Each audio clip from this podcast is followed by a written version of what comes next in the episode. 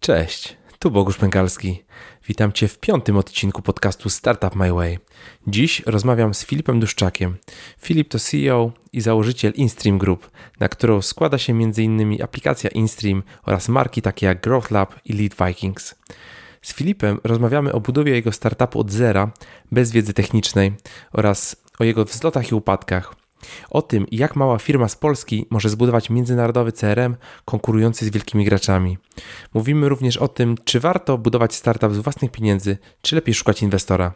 Jak pozyskać pierwszą i kolejne rundy inwestycyjne, jak budować zespół w startupie, o budowie aplikacji w modelu SaaS, o generowaniu leadów oraz o tym, jak lepiej sprzedawać. Linki do rzeczy, o których wspominamy, znajdziesz w notatkach do tego odcinka pod adresem startupmyway.com ukośnik 5 tak jak piąty odcinek podcastu. Gotowi? No to zaczynamy. Cześć Filip. Cześć, witaj. Dzięki za przyjęcie zaproszenia do podcastu. Cieszę się, że jesteś tutaj dzisiaj ze mną. Jasne, to ja dziękuję przede wszystkim. E, zacznijmy od tego, jakbyś się mógł przedstawić naszym słuchaczom. E, powiedz, kim jesteś i czym się zajmujesz.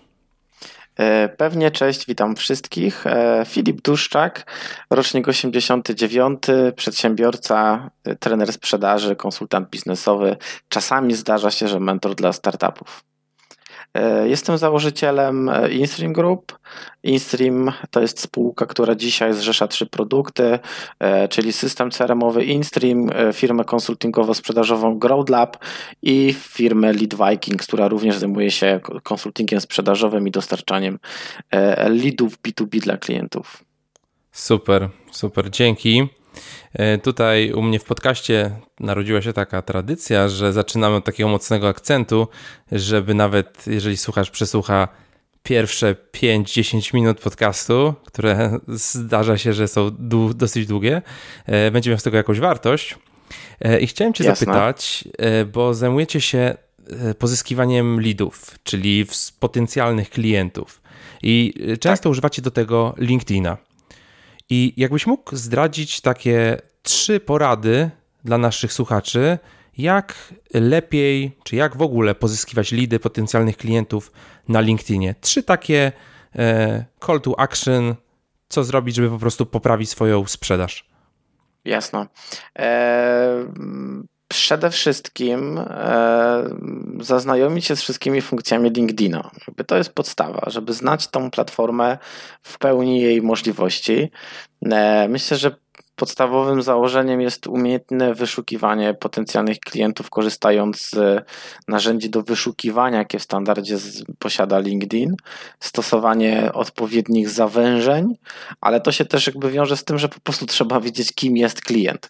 To się wydaje takie, o, oczywiste, pewnie przecież ja wiem, a wcale, że nie, dlatego że bardzo często jest tak, że wydaje nam się, że jest to każdy, e, a tak nie jest, a to sprofilowanie e, zawsze jest jakimś gdzieś tam już małym gwarantem sukcesu.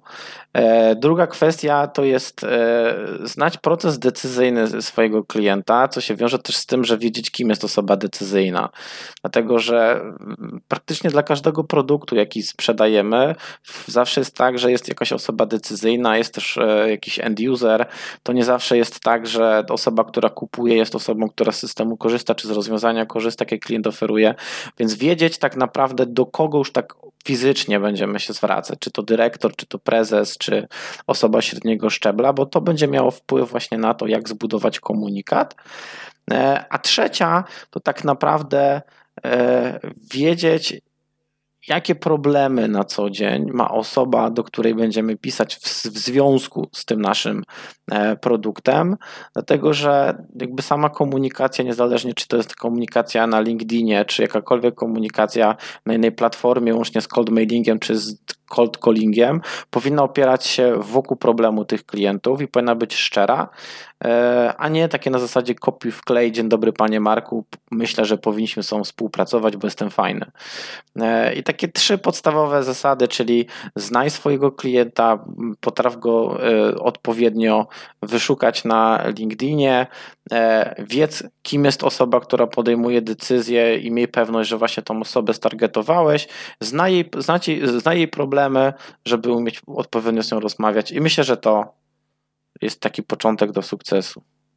A jak można poznać problemy naszego potencjalnego klienta, no bo fajnie by było znać wszystkie problemy.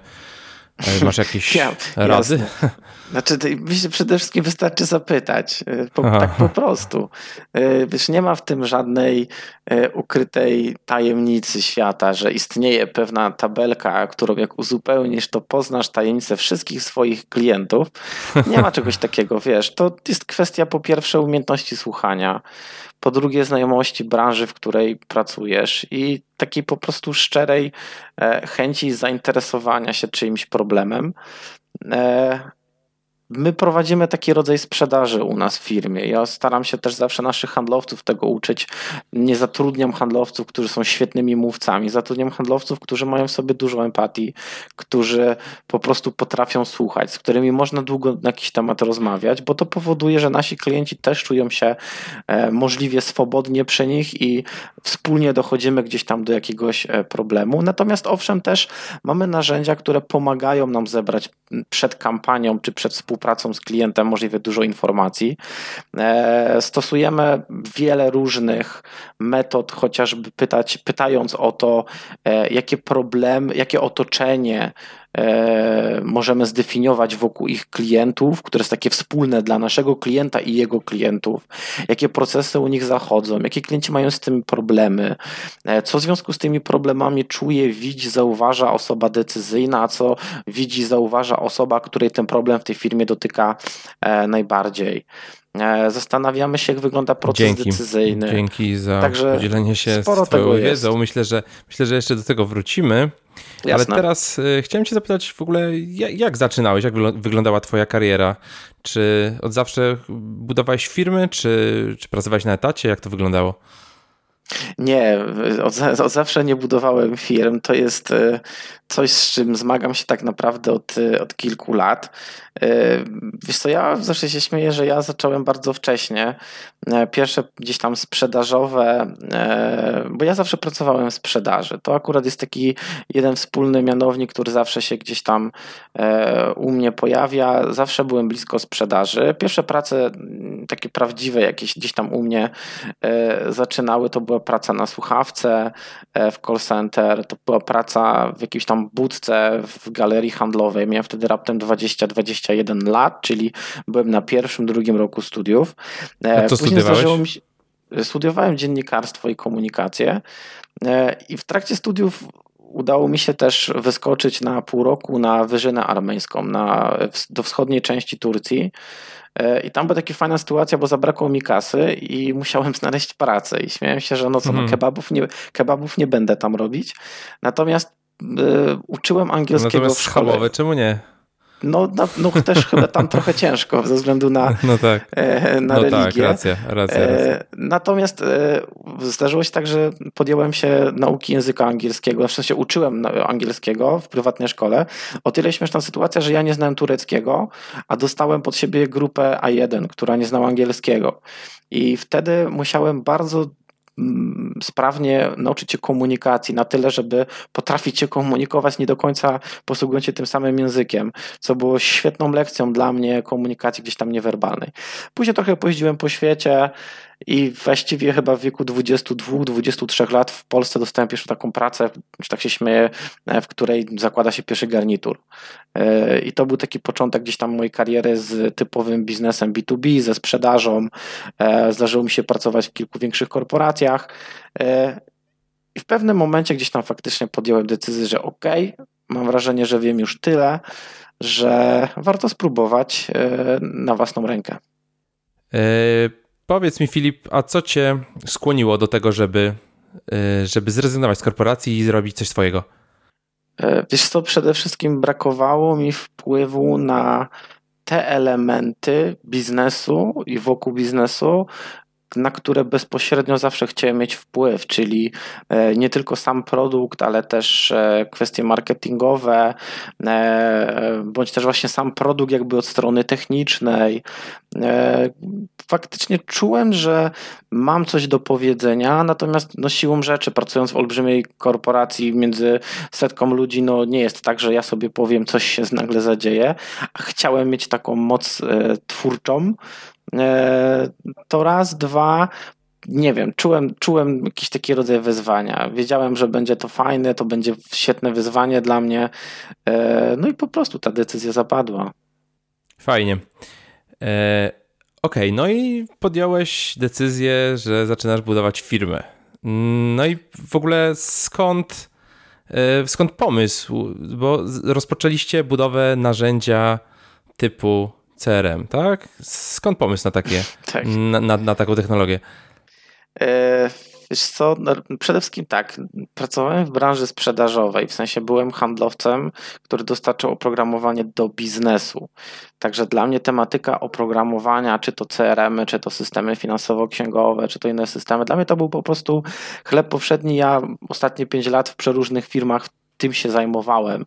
Więc jakby mm, siłą rzeczy do, wybrałem sobie działalność w takiej branży, w której już się znałem, już miałem doświadczenie, już miałem kontakty, miałem styk z rynkiem, czyli nie było tak, że o, wymyślę sobie coś, sprawdzę, czy to zadziała. E, faktycznie było tak, że wiedziałem, że jest nisza na rynku, wiedziałem, że nie ma odpowiednich rozwiązań. Oczywiście im dalej idąc w biznes, tym bardziej przekonałem się, e, jak wiele alternatywnych rozwiązań jest i z jak wielkim rynkiem się konkuruje.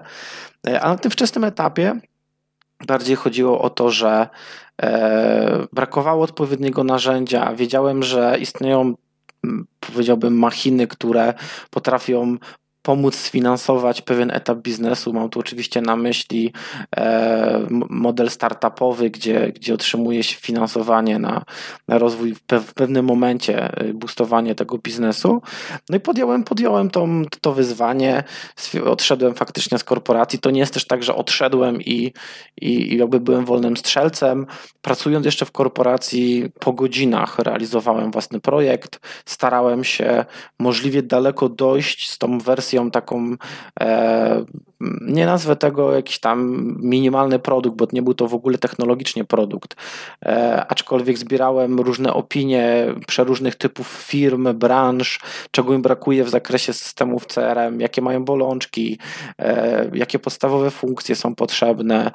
E, zacząłem bardzo dużo inwestować czasu w różnego rodzaju konkursy startupowe, ucząc się już wtedy właśnie e, konfrontowania tych pomysłów e, ze środowiskiem, uczyłem się wtedy możliwie dużo o tym, jak zacząć biznes, jakie pierwsze kroki powinienem podjąć, aż dojrzałem gdzieś tam do takiego momentu, gdzie moja rozmowa z funduszem inwestycyjnym miała już sens, dlatego że miałem pewnego rodzaju proof of concept, e, miałem potwierdzenie rynkowe co do tego, że idę w dobrym kierunku myślowo i brakowało mi już w tym momencie możliwości zaczęcia tworzenia produktu od strony już technologicznej. Tutaj znalazł się wtedy inwestor, który stwierdził, że jest to fajny pomysł, jest to o tyle potwierdzony przeze mnie pomysł, że jest on wart ryzyka.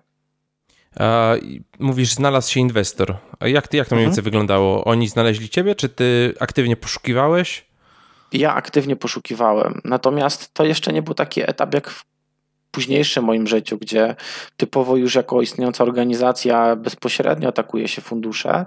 E, typowe e, eventy e, weekendowe dedykowane dla startupów. Tam się pojawiałem, pitchowałem produkty, startowałem w różnych konkursach, bez sukcesów niestety, natomiast zostałem gdzieś tam w pamięci jednemu funduszowi, który e, po czasie już na spokojnie odezwał się do mnie z informacją: hej, spotkajmy się, to co opowiadałeś, to co przygotowałeś ma sens, chcielibyśmy zobaczyć na jakim jesteś etapie i z funduszem tak naprawdę przez dobry 4-5 miesięcy ja ten projekt nadal w głowie rozwijałem, nie mając jeszcze inwestycji i oczywiście żadnej pewności, że kiedykolwiek oni w to zainwestują, natomiast e, gdzieś tam z takim powiedziałbym wsparciem i popychaniem mnie trochę do przodu przez fundusz, to wszystko nabierało na tyle sensu, że w pewnym momencie no, e, inwestycja miała swoje potwierdzenie gdzieś tam w e, tym, że da się coś fajnego zbudować. Możesz zdradzić kwotę inwestycji? Tak, to było 800 tysięcy złotych. Funduszem inwestycyjnym był e, fundusz Speed Up Venture Capital Group. I rozumiem, że e, equity, tak? Czyli przejął equity. część udziałów. Tak. Dużo tak, część? jest to standardowe, standardowe rozwiązanie. E, nie, patrząc na realia rynkowe, wydaje mi się, że, że nie, nie były to duże, e, duża część udziałów e, i tutaj bez słodzenia, ale muszę przyznać, że jest to jeden z nielicznych funduszy, które mimo wszystko daje też tak zwane smart money, czyli pewnego rodzaju plecy, chociażby na tyle, na ile są realnie w stanie, bo też, też jakby nie jest to globalny fundusz, który pozwoli wejść w Stany, ale na pewno jest to fundusz, który i na wczesnym etapie daje taką inkubację, daje dostępy do innych osób, które są w stanie trochę doradzić, pomóc, a wydaje mi się, że na tym wczesnym etapie to jest bezcenne. No, na pewno ważna informacja dla, e, dla startupowców. tak, nie było tu reklamy. nie było tu reklamy, pozdrawiamy fundusz. E, dobra, okej. Okay. No i co się robi, jak się dostaje pieniądze e, na konto? Zaczyna się zatrudniać ludzi? E, no bo tak, rozumiem, że znaczy... nie, macie, nie, nie miałeś wiedzy technicznej, jak ten produkt zbudować. Yy, tak, wiesz, to jest jeden z najtrudniejszych, yy, znaczy, albo inaczej najtrudniejszy, to jest jeden z większych problemów yy, startupów zakładanych przez nietechnologicznych funderów, czyli takie odwieczne pytanie, szukać co-fundera czy, czy, czy dzwonić do software house'u. Myślę, że nie ma tutaj jednej odpowiedzi. Wszystko tak naprawdę zależy właśnie od produktu, czy to jest produkt, który należy jakby zakodować raz, czy to jest produkt, który będzie się rozwijać przez cały jakby okres życia firmy. E, jak duży technologicznie to jest produkt, jakby jest mnóstwo pytań. My podjęliśmy decyzję, że pójdziemy software house'em z dwóch powodów. Pierwszy był taki, że e, zdaliśmy sobie, znaczy inaczej, wiemy, że odwiedziliśmy o tym, że od razu znalezienie technicznego mm -hmm. będzie trudne i czasochłonne, to raz, dwa, Znamy bardzo dobrze środowisko software house'owe w Poznaniu i w Polsce i uznaliśmy, że łatwiej i szybciej będzie nam znaleźć po prostu dogodnego partnera w postaci e, software house'u. Zatrudniliśmy, znaczy podpisaliśmy umowę, dogadaliśmy się i wystartowaliśmy. Mhm, mhm. Rozumiem, że przekazaliście e, firmie, z, z, którą współpracowaliście, jakieś wytyczne, tak? Jak to ma wyglądać? Czy, czy to było w formie y, takiego agile'owo, agile'owo, tak? Że budujemy, sprawdzamy, budujemy, sprawdzamy, czy dobra, róbcie i za pół roku się spotykamy i zobaczymy, co macie. Dokładnie, ale to jest kolejny, kolejny, kolejny problem egzystencjalny, bo e, które rozwiązanie jest lepsze? Problem z agile'owym rozwiązaniem jest taki, że może się okazać, że po pół roku nie masz nic.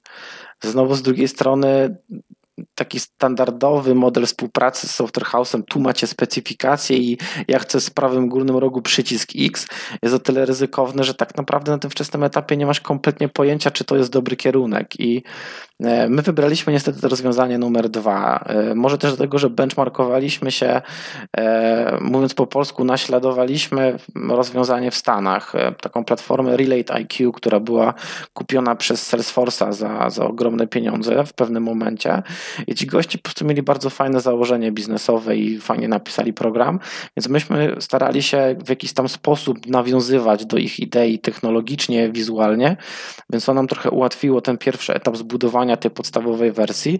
Natomiast znów e, faktycznie zabrakło w pewnym już momencie agile i tej możliwości konfrontowania funkcji z klientem doszło do takiego momentu, gdzie wiedzieliśmy, że pewne rzeczy idą w złym kierunku, natomiast musieliśmy je skończyć, bo e, inaczej się nie dało i dopiero później przeszliśmy na moment agile'owy. Także tutaj znów jest ciężko jednoznacznie określić, który model współpracy na 100% definitywnie jest, e, jest dla Ciebie lepszy w danym momencie. I jak długo zajęła Wam zbudowanie mm, pierwszej wersji Wiesz co, planowo miał być około 10 miesięcy, udało nam się zbudować w 13. To była wersja, to która był rok już... 2015, tak? To był rok, myśmy zaczęli tak naprawdę w styczniu 2015 roku, więc w styczniu, czy tam w lutym 2016 roku mieliśmy na serwerze po całym roku, mieliśmy na serwerze pierwszą wersję dostępną dla użytkowników, którzy e, no, już wtedy mieli za nią płacić. Mhm. A co, co ty robiłeś przez, te, e, przez ten cały okres? No bo nie, nie programowałeś, nie siedziałeś nad produktem za bardzo. tak. Wakacje. E, wakacje, pewnie. Wędkowałem. E, nie, wiesz, e, tam jest mnóstwo pracy w tle. Jakby sama praca produkt ownera to jest bardzo dużo, dlatego że software house potrzebuje cały czas takiego zewnętrznego partnera, który y, nadaje kształt wszystkim funkcjom, sugeruje jak one mają działać z perspektywy klienta, czyli, czyli jakby potencjalnego mojego dalszego klienta. To jest bardzo dużo pracy. Dodatkowo oczywiście już stawialiśmy biznes, w sensie takim, że model współpracy z software house'em pozwalał nam po sześciu miesiącach mieć taką, takie MVP, taki minimalny produkt, który wisiał na serwerze, natomiast nie był on jeszcze nazwany produktem tak komercyjnie, ale już mieliśmy tam testowych użytkowników, już łapaliśmy pierwsze firmy, które to testowały. E, już stawialiśmy pierwsze podwaliny biznesu. Mam tu na myśli e, jakieś procesy marketingowe, pierwszy branding. E, pojawialiśmy się już na jakichś eventach dla początkujących startupów technologicznych, bo jakby wiedzieliśmy, że w momencie, kiedy już zawiśnie ten produkt taki powiedziałbym wczesnorynkowy na serwerze, o to też nie będziemy znowu pół roku zabawy w biznes, to wszystko powinno być już gotowe. Także my pracowaliśmy nad tą częścią biznesową. E, my to znaczy ja plus e, zatrudniona grupa e, młodych osób, czy to stażystów, czy to takich powiedziałbym wczesno, wczesnych pracowników. O. Mhm. A... Jeszcze wtedy bez co-founderów. Okej, okay, okej. Okay. I ta grupa, grupa stażystów pracowała razem z tobą nad powiedzmy marketingiem, PR-em, początkami sprzedaży. No i powiedz, jak się sprawdza takie rozwiązanie? Nie sprawdza. nie sprawdza się. Być Jest tanie, ale się nie sprawdza. Nie, nie sprawdza się. Tak, wiesz co, znaczy nie zalecam, kompletnie wręcz odradzam e, takich rozwiązań. E, wiesz, biznes buduje się z ludźmi, którzy się na tym biznesie znają i to jest jeden z takich czynników sukcesu. I budowanie na wczesnym etapie, jakby albo inaczej, modelowanie pierwszych procesów, które będą bardzo istotne dla Twojej firmy w dalszym etapie, w oparciu o osoby, które nie mają zielonego pojęcia, co robią i mają prawo jeszcze mieć zielone, nie, nie, znaczy nie wiedzieć, co robią, bo przecież są z osobami dopiero uczącymi się, jest bez sensu absolutnie. Dlatego ja zawsze y, doradzam, że jeśli istnieje możliwość zatrudniania ludzi, którzy dokładnie wiedzą, co robią, e, no to jasne, idźmy w to. Mam tu na myśli, budujmy team trzech, czterech osób, jakiegoś świetnego e, marketera, który jest równocześnie marketerem takim analitycznym, e, posiadanie prezesa, który potrafi sam sprzedawać, posiadanie wspólnika technologicznego i kogoś, kto ogarnia po prostu firmę. To jest taka idealna czwórka moim zdaniem, która e, no, daje naprawdę bardzo dużą przewagę już na start, jeśli chodzi o budowanie biznesu. Mhm, no tak, na pewno, na pewno jest to dobre rozwiązanie. Ok, czyli 13 miesięcy i jest produkt. I wchodzicie na rynek, od razu zdobywacie rynek, czy, czy walczycie o każdego klienta? E, co po, tym, co po tym okresie budowy produktu? Co jest co w kolejności? Wiesz, to jest taka pierwsza weryfikacja. To jest taki częsty moment, e, kiedy E, dowiadujesz się, że ci, którzy mówili pewnie kupię, jak tylko to zrobisz, nagle mm -hmm. znajdują tysiąc jeden powodów, żeby nie kupić, bo okazuje się, że jeszcze brakuje ci tej funkcji, jeszcze tamtej, a może jeszcze byś zrobił tamto. Jakby to też jest ważne, żeby z produktami wchodzić możliwie szybko na rynek, dlatego mm -hmm. że on cię dopiero zweryfikuje i wtedy jesteś w stanie ocenić, jak daleko technologicznie jesteś od produktu komercyjnego. Tutaj polecam taką książkę, książkę Crossing The Chasm e, Jeffrey'a Mura, która bardzo dużo mówi właśnie o tym, jak konkretne procesy marketingowe i sprzedażowe należy dobierać do etapu, jak na jakim jest twój produkt. Czyli na przykład, nie wiem, reklama Super Bowlu w trakcie Super Bowlu może wydawać się świetnym narzędziem marketingowym, bo przecież ma tak duże zasięgi, no ale przecież nie dla startupu, który wczoraj jakby wyszedł z garażu. I jakby to oczywiście upraszczając całą jakby tezę tej książki, ale to właśnie tak jest. I e, Ważne jest to, żeby od samego początku skupić się na takiej sprzedaży bezpośredniej. E, myśmy wygryzali faktycznie każdego klienta. E, no i tak to najczęściej wygląda na tym wczesnym etapie, gdzie każdy nowy klient to nowe spojrzenie na nasz produkt i zrozumienie, czego jeszcze brakuje, bądź też co zrobiliśmy nie tak. Czy po, tym, czy po tym okresie budowy produktu nie zaczęły Wam się przypadkiem kończyć już te pieniądze z inwestycji? Niestety tak. Niestety było tak, że w kolejnym roku 2016 od startu, czyli gdzieś tam na początku drugiego kwartału, e, marzec, kwiecień, maj, e, no my byśmy już wypompowani z całej tej, tej kasy. E, pół miliona poszło na realizację technologii, później przenieśliśmy ją jakby na swoje plecy stopniowo na początku 2016 roku, co oczywiście też kosztowało trochę. I zaczęliśmy mieć już gdzieś tam problem, bo wiedzieliśmy, że za 4-5 miesięcy te środki się skończą. Natomiast udało nam się nawiązać relacje z jednym z pierwszych naszych klientów, który równocześnie był o tyle zainteresowany samą firmą i technologią, że po jakimś tam dłuższych rozmowach e, postanowił zainwestować 400 tysięcy złotych i faktycznie te środki otrzymaliśmy w czerwcu 2016 roku i dogadaliśmy się z tym inwestorem, że one starczą nam e, do października, listopada e, na to, żeby ten produkt podkręcić, żeby trochę mocniej wejść już na rynek, e, no i oczywiście, żeby być już spółką rentowną. I to wtedy pozwoliłoby nam w, podejść do takiej prawdziwej, trochę większej rundy, która miałaby wtedy już pozwolić jakby z, e, podkręcić już biznes, sprzedaż I tak mniej więcej, tak mniej więcej to, to wyglądało. Udało nam się we wrześniu 2016 roku tak oficjalnie wejść na rynek. Zrobiliśmy kampanię na Produkt Huncie, takiej platformie międzynarodowej do wrzucania nowych mm -hmm, produktów. Mm -hmm. Byliśmy trzeci tego dnia, czyli jakby byliśmy w tej trójce na podium. Olbrzymi hype, mnóstwo kontaktów z inwestorów z USA wow. dzięki temu. E, ale to był kawał dobrej roboty. Myśmy się miesiąc przygotowywali do całej kampanii, żeby to przygotować ten jeden dzień, bo tam ma się tylko 24 godziny na to, żeby, by wybić się na to, na to podium. Nam się udało super wejście na rynek, od razu pierwsi jakiś tam klienci. E, no i tak krok po kroku zaczęliśmy o te parę procent e, z miesiąca na miesiąc od września przychodowo skakać do góry.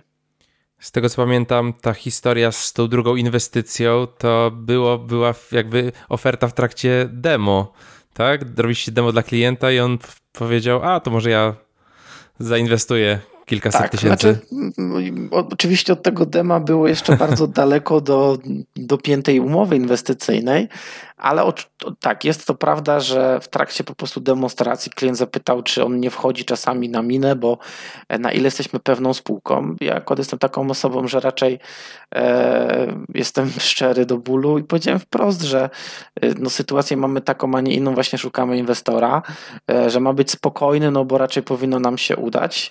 Natomiast powiedziałem wprost, że no, jesteśmy nową, nową młodą firmą i dopiero się rozwijamy. E, no przeszliśmy do tematu od produktu do tak naprawdę struktury udziałowej, planów rozwojowych, tego gdzie chcemy być za parę lat i faktycznie udało się parę miesięcy później już formalnie e, mieć Piotrka na pokładzie. Piotrek to jest nasz właśnie drugi inwestor. Aha, fajnie. E, rozumiem, że on też e, jakby wszedł za udziały. Tak, tak, jest to też klasyczny model, w którym podwyższa się e, wartość spółki, zwalniając mhm. dodatkowe udziały, które nabywa nowy inwestor. Jasne. E, od początku budowy firmy e, celowaliście w rynek międzynarodowy, tak? Od razu była wersja anglojęzyczna. Była równocześnie wersja polska, czy, czy tylko angielska była. na początku? Znaczy, najpierw w ogóle, żeby było śmiesznie, była tylko wersja angielska. E, ale bardzo szybko jakby nauczyliśmy się, że nie tędy droga i, i wypuściliśmy też wersję polską. No właśnie, a skąd, skąd decyzja, żeby. No bo z jednej strony są dwie szkoły, tak? Jedna taka tutaj zacznie od małego rynku, rośnie, rośnie, wyjść za granicę. Druga szkoła, Go Global, od razu, angielska wersja, tylko Stany, tam ci sprawdzą produkt, polski rynek jest dziwny. E, skąd, skąd taka decyzja u ciebie? Wiesz co, dzisiaj powiem szczerze, że decyzja o pójściu od razu globalnie wynikała tak naprawdę z niewiedzy biznesowej i trochę z takiego hypu gdzieś wokół tych startupów i środowiska startupowego typu Go Global All Die. E, uważam, że to absolutna bzdura. E, nie uważam, że to był nasz błąd, bo dzisiaj mamy pewnego rodzaju, że tak powiem, e, przewagi konkurencyjne z racji tego, że od razu szliśmy globalnie.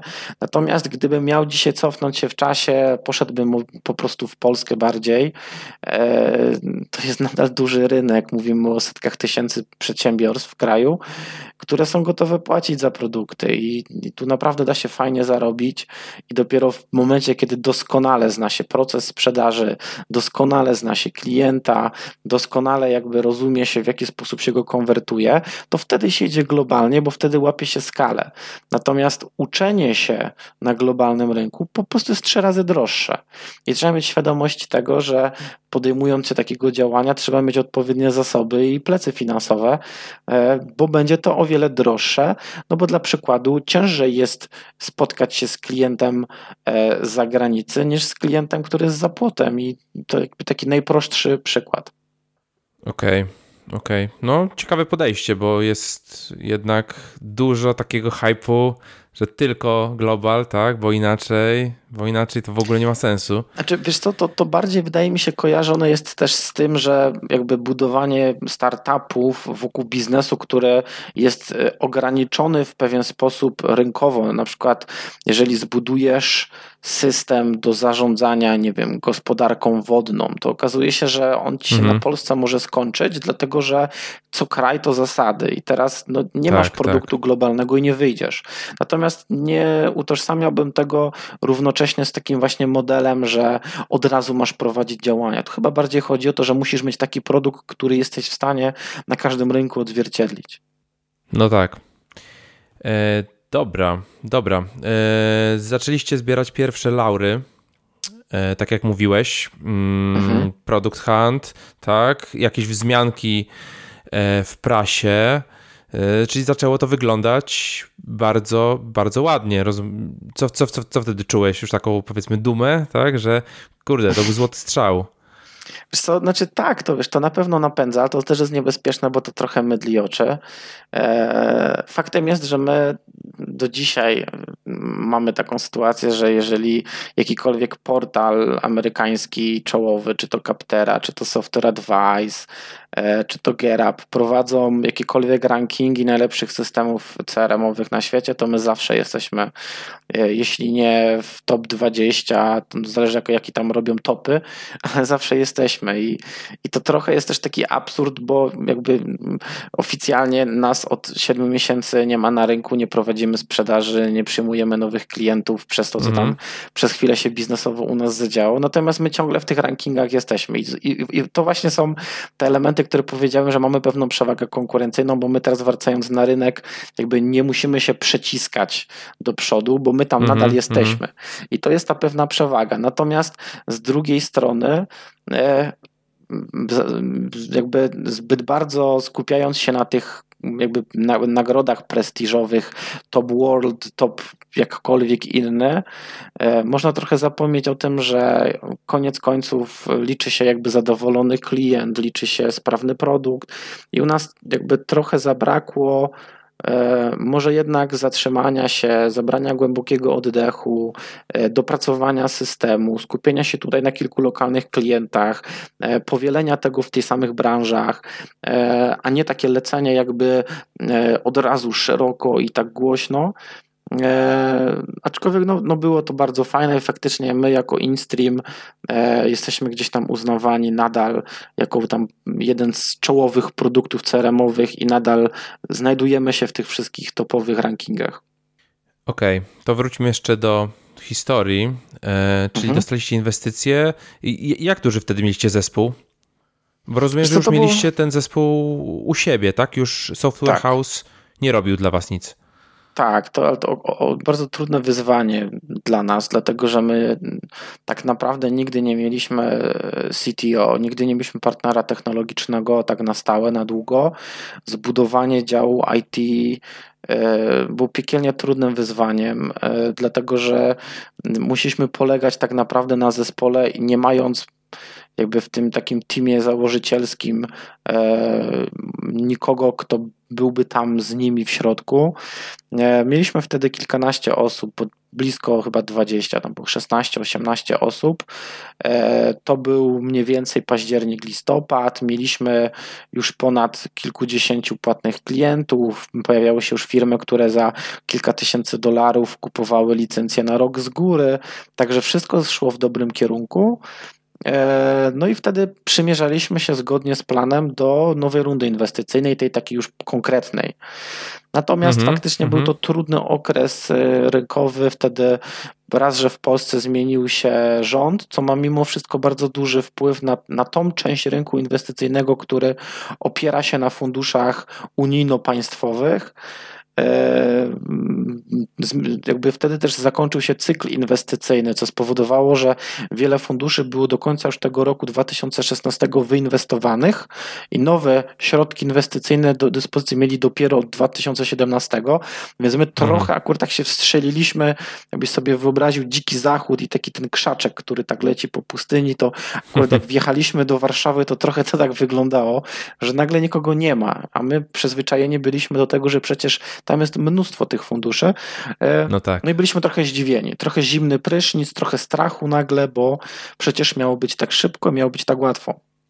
Okej, okay, czyli końcówka roku, kończy się kasa. 2016, tak. 2016, kończy się kasa. E, jak co na to pracownicy? Jeszcze była kasa na, na wypłaty? Tak, wiesz, to jeszcze nie był taki moment, gdzie my e, jakby dzwoniliśmy, nabiliśmy na alarm, to jeszcze było tyle spokojna sytuacja, że te środki wiedzieliśmy, że starczą do e, powiedzmy, że prawie że końca roku, do końca listopada. E, natomiast no, musieliśmy szybko już gdzieś tam działać. E, zainwestowaliśmy trochę prywatnych środków, e, poszły jakieś tam sprzedane prywatne samochody, żeby mieć pewność, że na grudzień starczy. No i na początku roku, właściwie na przełomie grudnia, stycznia, znaleźliśmy fundusz inwestycyjny, który podjął się rozmów. Podpisaliśmy w styczniu umowę inwestycyjną na 300 e, tysięcy euro, czyli niecałe, znaczy ponad milion dwieście, e, milion dwieście mhm, tysięcy -hmm. złotych. E, strzeliły korki od szampana, była radość. No natomiast jakby wiesz, no to, natomiast nie mogę jakby zbyt wiele powiedzieć. Niestety ta mhm, runda mhm. nigdy nie doszła do skutku. No i te środki nigdy nie wpłynęły. Także najtrudniejszy okres firmy wtedy się, znaczy miał wtedy miejsce między, między styczniem a, a majem e, próbowaliśmy wtedy różnymi narzędziami utrzymać firmę. Powstało dość duże zadłużenie. E, no i niestety doprowadziło to do sytuacji, gdzie e, mimo tego, że na początku 2018 roku biznesowo bardzo fajnie się rozwijaliśmy, były kolejne nagrody, kolejni klienci. 17, tak? E, przepraszam, 2017, 2017. tak, mhm, mhm. to mimo tego, że biznesowo fajnie się rozwijaliśmy i w pierwszym kwartale wszystko szło naprawdę, naprawdę świetnie, no to tak naprawdę w tle, w tyle firmy ta sytuacja nie była zbyt kolorowa. To zaczęło wpływać na, na pracowników, E, ostatecznie w maju doszliśmy do ściany, kiedy już nie było naprawdę ani środków, spółka miała dość duże zadłużenie, nie, nie mieliśmy już jak dalej przeciągać całej tej sytuacji. No podjęliśmy decyzję o zamknięciu firmy, e, był płacz, trzeba było się rozstać z pracownikami w maju, także to, to była dość trudna, e, trudna chwila dla nas. Co wtedy przeżywałeś? No na pewno pewne, w pewnym sensie porażkę, to, to na pewno. Miałem pretensje złość. Do, do złość, to, to, to frustracja była ogromna. E, natomiast to też nie tak, że miałem, wiesz, pretensje do całego świata i ojej, o Jezu, ale ktoś mnie, ktoś mnie oszukał. E, wiesz, biznes to są poważne sprawy, tu trzeba mieć mm -hmm. głowę na mhm. karku, trzeba mieć świadomość tego, że, że bywa różnie. Jeżeli bawisz się w firmę e, i bierzesz na siebie odpowiedzialność e, kilkunastu, kilkudziesięciu osób, które gdzieś tam starają się patrzeć w takim kierunku, jakim patrzysz ty, to trzeba mieć po prostu gdzieś tam w tyle głowy świadomość tego ryzyka. No było trudno, natomiast my nie mieliśmy tak, że nie wiem, usiedliśmy, o Jezu, i co teraz będzie i ratunku. E, spieliśmy się tak naprawdę tydzień później e, od całej tej sytuacji. Zaczęliśmy zarabiać na tyle, żeby móc spłacać kredyty, żeby móc spłacać zobowiązania prywatnej spółki. Założyliśmy momentalnie tak naprawdę drugą gałąź biznesu, czyli zaczęliśmy konsultować procesy sprzedażowe, marketingowe, zaczęliśmy pomagać innym firmom zdobywać klientów, bo byliśmy w tym po prostu bardzo dobrzy, dobrzy. E, I to zaczęło tak naprawdę gdzieś tam na tyle skalować, że w okresie wakacyjnym 2017 zdaliśmy sobie sprawę, że kurde, to jest bardzo fajny biznes i da się na tym fajnie zarabiać. Idźmy w tym kierunku. Odbudujmy firmę, e, znajdźmy możliwość e, spłacenia tego całego zobowiązania i jeszcze wrócimy z InStreamem, rynek poczeka, a my będziemy silniejsi i też będziemy mieć zaplecze biznesowe własne, a nie inwestycyjne, co też jakby jest dużym dla nas gdzieś tam wyzwaniem, ale też takim pozytywnym podejściem do biznesu, że zabieramy się tym razem od prawidłowej strony. Co wtedy się działo z InStreamem? E, platforma działała? Wiesz, platforma działa do dzisiaj. To jest tak, że mamy dziennie, codziennie, nadal po kilkanaście zapytań e, kontrialowych, natomiast my informujemy klientów, że nie ma dzisiaj supportu. E, mhm. System działa, on jest stabilny, natomiast w przypadku jakiegoś błędu, może się pojawić sytuacja, że po prostu nie będziemy w stanie go tymczasowo naprawić. Stąd też otwarcie klientom mówimy: słuchajcie, proszę bardzo, wejdźcie, korzystajcie. E, natomiast my nie będziemy wam, was za to czarżować. E, natomiast musicie mieć świadomość, że jeszcze chwilę potrwa, zanim na powrót będziemy rozwijać system, w pełni supportować, pomagać wam e, się wdrożyć i, i funkcjonować. A system jest zautomatyzowany, typu na przykład płatności, tak, wiesz, system, faktury, to, to... więc można wejść i zapłacić. Znaczy nie Dokładnie. teraz, rozumiem, tak? Kasy. Dokładnie. Znaczy wszystko jest w pełni tak, jest w pełni zautomatyzowane. E, jeżeli klient się decyduje na korzystanie, to my tak zawsze mamy z nim komunikację, więc tą kwestię płatności my tak naprawdę dogadujemy. Są no tacy tak. klienci, którzy stwierdzają, słuchajcie, zdaję sobie sprawę, to umówmy się, że zapłacimy 50% do tego czasu. Są tacy, którzy płacą 100%, e, co, co jest dla nas bardzo fajne, jest takim fajnym kredytem zaufania, ale oczywiście tak, system zawsze był od początku w pełni zautomatyzowany, od obsługi klienta po wdrażanie, po bazę wiedzy czy, czy, czy system płatności. No tak. Z tego, co mówisz, to tak trochę wynika, że powinniście byli odwrócić tą, e, tą, ten proces, że najpierw zbudować pewien cash flow oparty na na przykład na generowaniu tych leadów, tak, na szkoleniach, na konsultingu i potem zacząć budować produkt który się będzie opierał na waszej wiedzy i waszych pieniądzach, plus ewentualnie wspomagać się zewnętrznym finansowaniem wtedy.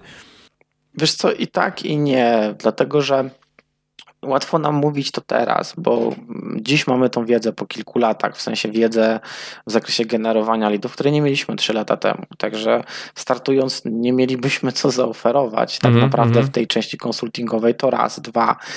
E, nawet dzisiaj stoimy przed olbrzymim wyzwaniem powrotu do InStreama, dlatego że prowadzenie już dzisiaj kilkudziesięcioosobowej ekipy, która e, zajmuje się jakby tą częścią związaną z GrowLabem i Lead Vikings, to jest ogrom pracy. I dołożenie sobie teraz nowej odnogi, czyli InStreama z firmy, która typowo żyje w modelu sasowym, co tam żyje swoim życiem, to będzie to olbrzymie wyzwanie gdzieś tam czasowe, natomiast raczej wydaje mi się, że e, problem nie leżał w tym, problem leżał w, u nas w kwestii zarządzania, e, może też w kwestii właśnie generowania pierwszej sprzedaży, czy też rozwoju pewnych funkcji, które dzisiaj są takim dodatkiem niekoniecznym w systemie, a za to brakuje jakichś funkcji mniejszych, co po prostu też wiedzieliśmy gdzieś tam z biegiem czasu.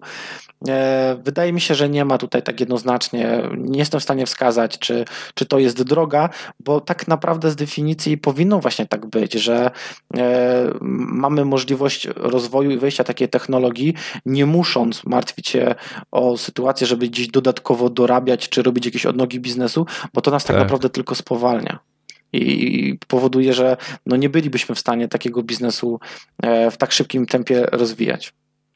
Oczywiście, oczywiście. Niestety robienie, e, robienie biznesu po godzinach, ok, jest, jest to pewien start, ale no, żeby zbudować coś naprawdę dużego, no, to, to po prostu nie działa. Tak?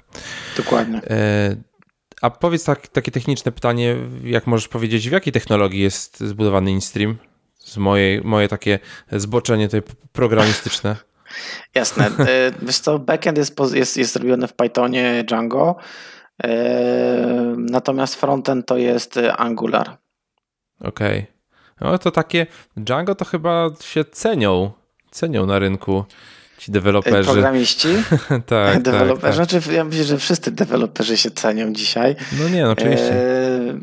Tak, wiesz co, no kwestie, znaczy koszty technologiczne to są przerażające kwoty. Jeżeli prowadzi się na przykład firma, która skupia się, znaczy skupia jakby taką część biznesową, czyli nawet, nie wiem, project managerów, handlowców, marketerów, analityków i nagle zatrudni się do tego jednego dobrego seniora dewelopera, no to mhm. jakby kontrast jest tutaj olbrzymi, bo mówimy nieraz o czterokrotnie wyższej pensji, co no, jest, jakby to można z zawrotu głowy dostać, no ale niestety rynek dzisiaj tak wygląda, że stawka nieraz 150 zł za godzinę pracy programisty, nawet na pełnym etacie, no to nie jest już dzisiaj żaden absurdalnie wysoki koszt, tak, bo to jest powoli tak. nawet wręcz standard i no to może się, tak, tak się mówi 150 to nie jest dużo, ale jak ktoś sobie policzy 150 razy 8 razy e, cały miesiąc, to my mówimy o kosztach bliskich 15-20 tysięcy złotych miesięcznie za jednego pracownika, co no, trzeba niezłe mieć zasoby finansowe, żeby na takie koszty sobie pozwolić. Dokładnie, a to sam koszt e, jakby pensji, a jeszcze Dokładnie. trzeba biuro, sprzęt, licencje i tak dalej, i tak dalej. E, tak, Multisporta dokładnie. trzeba, bo, bo, pójdą do innej firmy. No tak, tak to też jest prawda, tak że sobie śmieszkuję pensja, oczywiście. Tak, ale pensja to faktycznie wiesz, jedno, dwa, w ogóle budowanie zespołu technologicznego jest o tyle trudne, że programiści są trochę jak artyści. Oni mają problem z programowaniem ciągle tego samego. E, oni potrzebują pewnego rodzaju takiej świeżości w firmie. Programiści potrzebują zawsze lidera, czyli potrzebują w zespole kogoś, od kogo mogą się uczyć.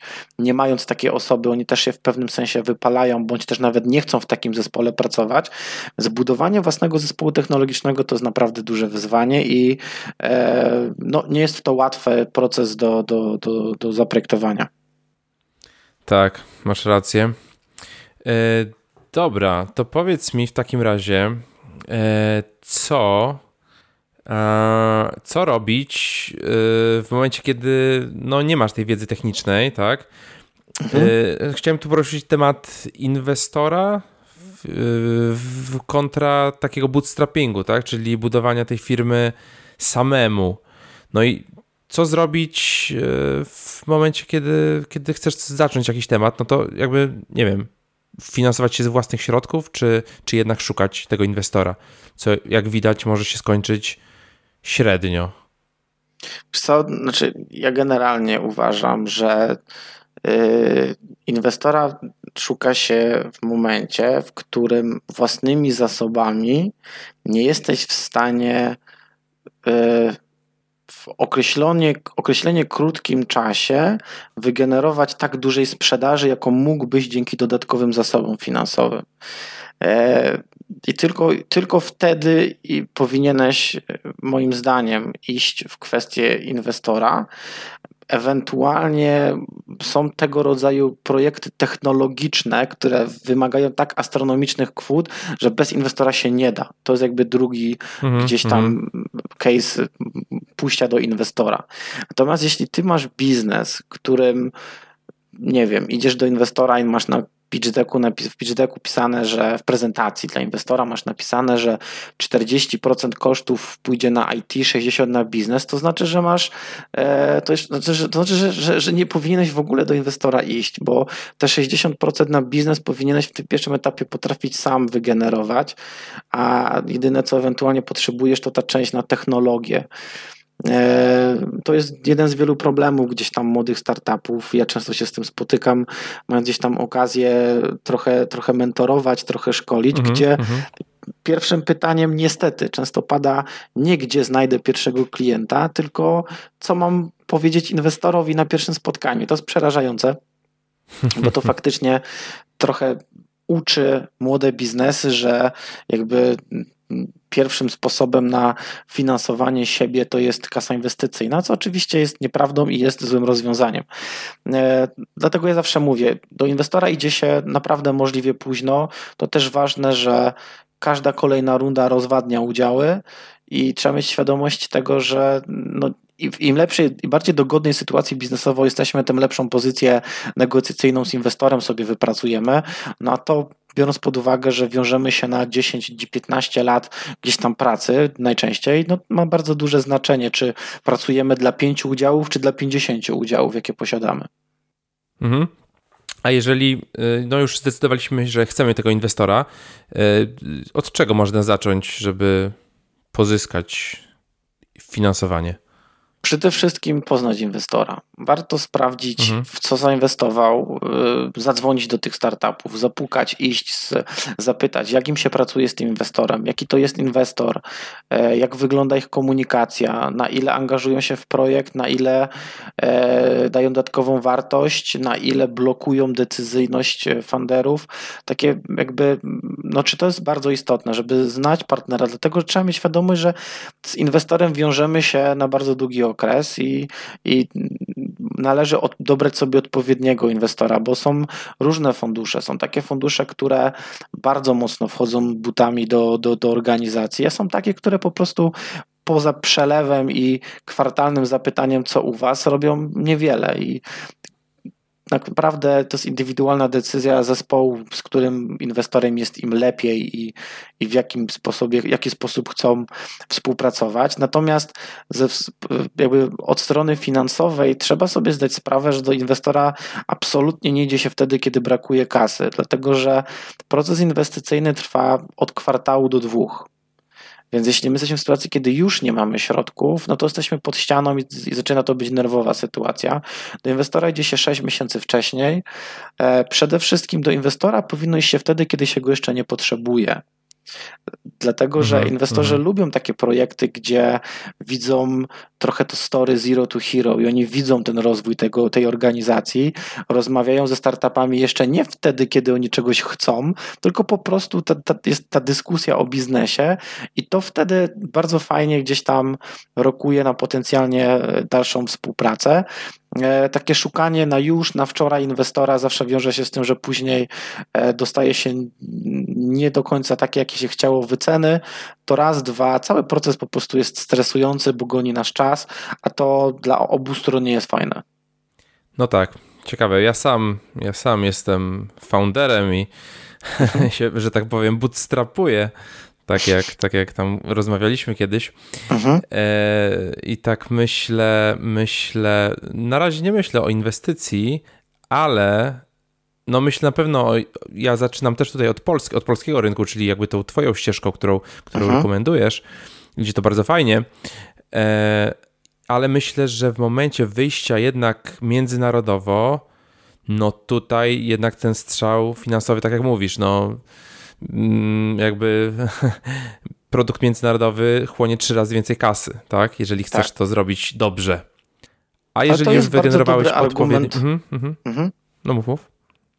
To jest bardzo dobry argument, żeby właśnie wtedy do inwestora iść, czyli pokazać, słuchajcie, jesteśmy na tym rynku, robimy X, jesteśmy w stanie w najbliższe 3 lata e, dołożyć tam e, przysłowiowe kilka zer po przecinku, natomiast jak widzicie 3 lata to dużo, potrzebujemy x środków, żeby zrobić to w 9 miesięcy, a nie 3 lata.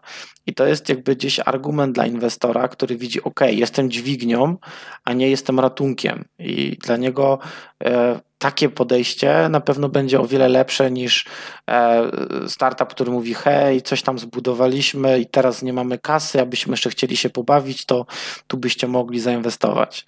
Także argument takiej typowej środków na ekspansję jest jak najbardziej na tak. Fajnie. A jeszcze a propos inwestowania, często y, mówi się o tym, że bardzo ważny jest zespół, tak? I że do inwestora, o jaki ty masz zespół. No dobra, ale w momencie, kiedy y, zbudowałeś produkt, masz jakichś tam klientów, oni generują jakiś, y, jakąś sprzedaż, zarabiasz pieniądze, powiedzmy, że jesteś już na czysto, tak? ale mhm. zatrudnienie jednego dobrego programisty zeżre ci wszystko, co, co, co masz, tak? Mhm. Więc w jaki sposób zbudować tutaj zespół, którego inwestor oczekuje? No, przynajmniej taka jest e, narracja, że przychodzisz z zespołem. Jak to widzisz? to też jest tak, że e, no właśnie, zależy z jakim inwestorem rozmawiasz, bo to, to, to, to, to, to trochę jest tak, że to jest dobra śpiewka dla inwestora. Ty, zawsze jest pytanie, jaki masz MRR, jak wygląda twój team i tak dalej. I, i inwestor, który jest, znaczy, bo to jest bardzo dobre pytanie, w sensie jakby dojdę za chwilę do tego, że, że zespół trzeba mieć. Natomiast też nie twórzmy chorej sytuacji, gdzie jakby jakimś powodem zblokowania inwestycji byłoby to, że ty nie masz partnera biznesowego, bo to byłby absurd. E, to bierze się raczej stąd, że e, ja na przykład dzisiaj nie wyobrażam sobie prowadzenia firmy bez wspólników. My, my, dobraliśmy się idealnie, moim zdaniem. Każdy z nas jest dobry w czymś innym, każdy z nas nie zna się na tym, na czym zna się kolega, i, i to powoduje, że my się świetnie uzupełniamy. E, I to jest jedna rzecz. Druga rzecz, jak nie ma mnie w firmie, to wiem, że e, wszystko jest ok. Jakby raz, że ufam moim pracownikom i, i kolegom z pracy, ale po prostu są też wspólnicy i to jest troszkę inna sytuacja. Ale po prostu jak idziesz już na pewnym etapie biznesu, ty potrzebujesz kluczowych menadżerów, czyli osób, które nie odpowiadają za kliknięcie czegoś, tylko odpowiadają za procesy, za procesy marketingowe, za procesy sprzedażowe, za rozwój technologii, e, za kwestie organizacyjno-finansowe biznesu, bo to ma bardzo duże znaczenie już przy pewnej skali, więc po prostu, znaczy ideą zawsze jest to, żeby te, te kluczowe procesy opierać na osobach, które za trzy lata nie odejdą ci z firmy, tylko za osoby, które jakby przejmują te procesy na dłużej. I stąd jakby sugestia, żeby budować je zespołem takim funderskim, wspólnikami, no bo daje to pewną gwarancję stabilności dla inwestora. On wie, że ok, tą firmę buduje pięciu, czy tam sześciu, czy trzech gości, czy dwóch gości, e, którzy naprawdę wiedzą, co robią i na nich oparte są te kluczowe procesy, co daje pewność biznesu.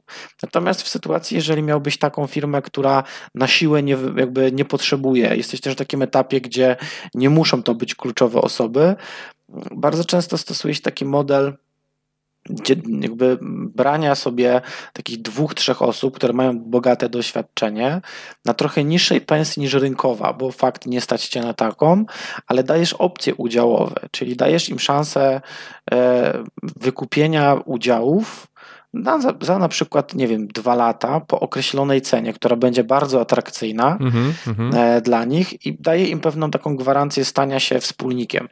I to wtedy trochę zrównoważy tą, ten problem wysokiej pensji. Natomiast tutaj sobie bez czarowania trzeba sobie zdać sprawę, że najczęściej taki pull option jest fajny dla y, osób biznesowych. Programiści różnie patrzą na, na te kwestie udziałowe. Dla nich niestety jednak ważniejsze jest to, że pracują nad fajnym produktem, to, że mają dobrą pensję. Te, te opcje udziałowe jednak dla tej branży nie są takim, a tak atrakcyjne, jak patrzy na to ta część biznesowa. No tak. E, taki model amerykański to jest tak, tak, tak zwany. Taki model amerykański, ale taki model, y, który powinien być wszędzie. Wiesz, jakby to jest najlepsze jednak rozwiązanie, gdzie bierzesz sobie osoby, które angażują się trochę bardziej niż tylko za pensję, to na, na wielu płaszczyznach firmy działa na jej plus. No tak, to działa nawet tak jak o tym mówisz, to no kurczę, jesteś wtedy częścią firmy, pracujesz tak. na jej na jej, na, na swoją, na, to jest część twojej kasy, tak, po prostu. Mhm. Będzie lepiej szło, tak, dostaniesz więcej kasy. E, tak, na, na pewno to jest fajna, fajna opcja. E, a powiedz mi, jak według ciebie, masz jakąś opinię o polskim ekosystemie inwestorskim? Jakoś Wygląda to dobrze, czy rozwija się? Jak to wygląda? Wiesz, na pewno rozwija się. Trzeba sobie zdać sprawę, że my jako kraj e, jesteśmy jeszcze na bardzo, bardzo wczesnym etapie e, rynku, w którym stosuje się tego rodzaju jakby model i, i, całe nasze środowisko startupowe jest jeszcze bardzo młodym ekosystemem. Wiesz, absolutnie nie chciałbym wchodzić tutaj w dyskusję, czy lubię, czy nie lubię, co uważam. Też nie jestem jakby specjalistą od rynków finansowo-inwestycyjnych. Natomiast, znaczy, znam rynek bardzo dobrze. Udało nam się zrobić łącznie 7 rund e, w 36 miesięcy, jakby nie patrzeć, więc wow. tego jest sporo. E, my na koncie mamy, myślę, że chyba nie przesadzę, jak powiem, około setki spotkań z przeróżnymi angelami, funduszami. E, natomiast e, wydaje mi się, że tak jak my, jako środowisko biznesowe i startupowe, jesteśmy na wczesnej drodze, to uważam, że środowisko inwestycyjne również i jeszcze bardzo długa droga przed nami, aż ono będzie tak zbudowane, że na każdym etapie działalności będziemy posiadać partnerów po stronie inwestycyjnej, dlatego że jakby w cyklu rozwoju firmy są te różne etapy. Jest ten etap pre-seed, jest etap inkubacji, jest etap seed e, i jeszcze dzisiaj w Polsce nie mamy odpowiednio dużej liczby funduszy, tak żeby przy, w obecności polskiego kapitału spółka mogła płynnie się rozwijać. Nie mówię, że nie ma kompletnie, bo są jak najbardziej, no aczkolwiek to jeszcze nie jest ta skala i często jest tak, że startup na pewnym etapie e, posiłkuje się zagranicznym kapitałem, to znaczy, że to źle, ale patrząc tak patriotycznie byłoby fajnie, gdyby dało się bez obaw e, rozwijać spokojnie tutaj, nie musząc e, poszukiwać już funduszy e, zagranicznych, aczkolwiek ja myślę, że to jest kwestia iluś tam lat, czasu, rozwoju. Mamy w polskim e, ekosystemie systemie bardzo fajne fundusze. E, mamy bardzo dużo młodych funduszy. Ja życzę im, żeby mieli możliwie dużo fajnych projektów i, i, nauczyli się też tego modelu po swojej stronie, żeby skutecznie te środki reinwestować i umieć ze startupami pracować, bo samo inwestowanie wydaje mi się, że jest bardzo proste. E, trudniejsze jest tak naprawdę egzekucja tych środków i to wsparcie startupu i, i ta współpraca mm, obu mm. organizacji. No tak, no tak. Szczególnie teraz y, z tym, y, z pieniędzmi z y, PFR-u, tak, z Polskiego Funduszu Rozwoju. E, nie wiem, jak w tym momencie wygląda sytuacja, ale z tego co pamiętam, miało wejść około 3 miliardów tak. do Polski. Nie wiem, czy się orientujesz. no tym. To, jest, to, jest, to jest z jednej strony świetna informacja, a z drugiej strony to, to też jest trudna sytuacja, dlatego że e, nie ma tyle biznesu. Trzeba, rozdysponować, no tak mówiąc kolokwialnie dokładnie, e, znaczy ostatnio też Michał Skórowski fajnie z LifeSpace'a powiedział, gdzie, gdzie ktoś właśnie zauważył, że teraz jest świetna sytuacja, bo jak to mówią inwestorzy, jest więcej środków niż, e, niż fajnych startupów, natomiast my się z Michałem zaśmialiśmy, mówimy, no jakoś nigdy jeszcze tych pieniędzy nie widziałem, e, to pytanie, gdzie oni je trzymają? Nie, ale tak no całkiem, całkiem, całkiem poważnie, wiesz, bo to, bo to też nie jest tak, że fundusz mając te środki do dyspozycji może sobie na prawo i lewo nimi dysponować. To jednak jest bardzo zawiły mechanizm, fundusze są odpowiednio e, ratingowane, rozliczane z tych środków. Natomiast fakt jest taki, że z jednej strony dobrze, z drugiej strony źle, e, bo pojawiają się fundusze, które w tym procesie inwestycyjnym będą brały udział po raz pierwszy. I teraz to jest dlatego mhm. ważne dla startupu, żeby miał pewność, że współpracuje z funduszem, który ma za sobą też odpowiednie doświadczenie, bo tak jak powiedziałem, dostać kasę jest naprawdę łatwo, mając dobry produkt. Jeszcze ważna jest ta egzekucja. No tak, a powiedz mi, jak fundusz czy inwestor może, może wspierać y, swoim know-how? Jak taka, taka, takie wsparcie może wyglądać? Wiesz to zależy tak naprawdę od etapu. E, na wczesnym etapie to jest po prostu pewna jakby taka doza kontrolingu, która mimo wszystko może wydawać się mm, niefajna, aczkolwiek e, naprawdę mając 22 lata i, i pewną sumę na koncie, dobrze jest nieraz posłuchać starszych. E, po, tak po prostu. E, co więcej, e, mimo wszystko to nie jest tak, że te fundusze to nie robią nic, tylko marudzą i mówią, jak jest źle. Trzeba sobie wziąć poprawkę, że to są organizacje, które jakby rocznie godzą się z tym, że upada im x 10 projektów, bo coś zrobili źle, więc oni mają świetny dostęp do, do tych informacji, jak łatwo można coś, za przeproszeniem, spieprzyć. I hmm. warto jest jakby dopuszczać do siebie informacje, rozmowę z nimi, e, dobrą radę, no bo jakby z definicji oni raczej nie chcą źle dla swojej spółki. No, oczywiście aczkolwiek też są, jakby to oczywiście zależy od funduszu, są takie fundusze, które pomagają wejść na e, wyższy gdzieś tam poziom, e, dając jakby wsparcie przy rozmowach przy kolejnych rundach. Są takie organizacje, na przykład ja bardzo cenię sobie, ceniłem sobie i cenię nadal sobie e, w Speedupie, gdzie tam co jakiś czas są spotkania tak jakby takie wewnętrzne dla wszystkich organizacji, wszystkich startupów, gdzie my, ci, którzy już mamy po te 3-4 lat w biznesie, przerzucamy wiedzę na tych, którzy dopiero wchodzą, bo jak my wchodziliśmy, to ci, którzy wtedy byli 3-4 lata, przerzucali tą wiedzę na nas. I to jest takie trochę fajne, takie jakby, jakby tak witamy w rodzinie kogoś nowego i, i to też jest fajne, że ta wiedza w funduszu jest. I to jest o tyle fajne, że fundusz nie musi mieć wcale w swoich zasobach najlepszego marketera, najlepszego trenera sprzedaży, bo i, i, tak każda firma jest inna. Po prostu fundusz powinien dbać o to, żeby komunikacja w spółkach, które są, należą do funduszu, między sobą była jak najwyższym poziomie. I wtedy ta wiedza, ona sobie gdzieś tam podróżuje. I myślę, że to jest chyba największa wartość mm -hmm, być w takim mm -hmm. funduszu, który taką wiedzę dostarcza. No tak, tak. Jest na pewno. Jest to na pewno taka rzecz, której się nie da kupić przynajmniej Zdecydowanie. w łatwy sposób. E, a powiedz mi, jak z tą całą wiedzą, którą masz dzisiaj, wróciłbyś na początek budowy InStreama, e, mhm. to i, i, jak, jak to byś, by się potoczyło? Od czego byś zaczął i Myślę, jak, że tak co, naprawdę co byś zrobił lepiej? Tak. Wbrew pozorom niewiele by się zmieniło, jak mam być szczery.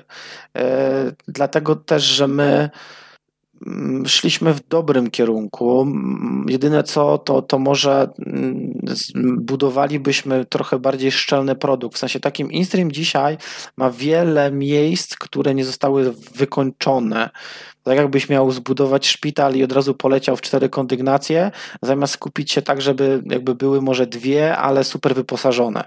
Myśmy od -hmm. razu poszli szeroko i po prostu zabrakło nam czasu i środków na to, żeby wszystko uzupełnić i, i to gdzieś trochę nam biznesowo, jeśli chodzi o produkt, pogrążyło.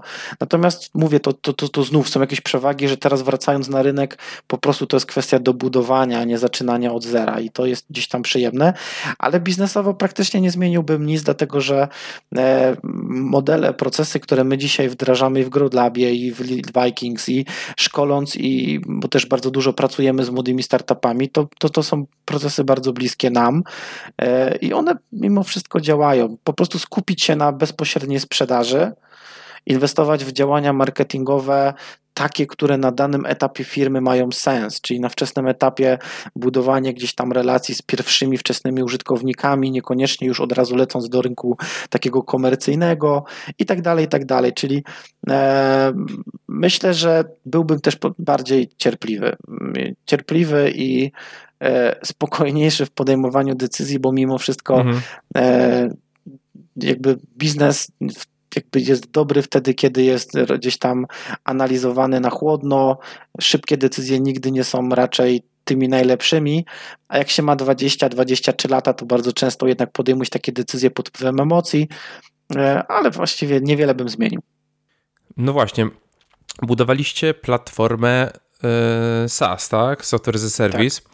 E, uważasz, że to jest najlepszy model biznesowy, no bo dużo osób tak, tak uważa, tak? Też inwestorzy. Uważam, że jest to na pewno naj, najtrudniejszy model, to na pewno. Najtrudniejszy, dlaczego? Najtrudniejszy. Najłatwiejszy.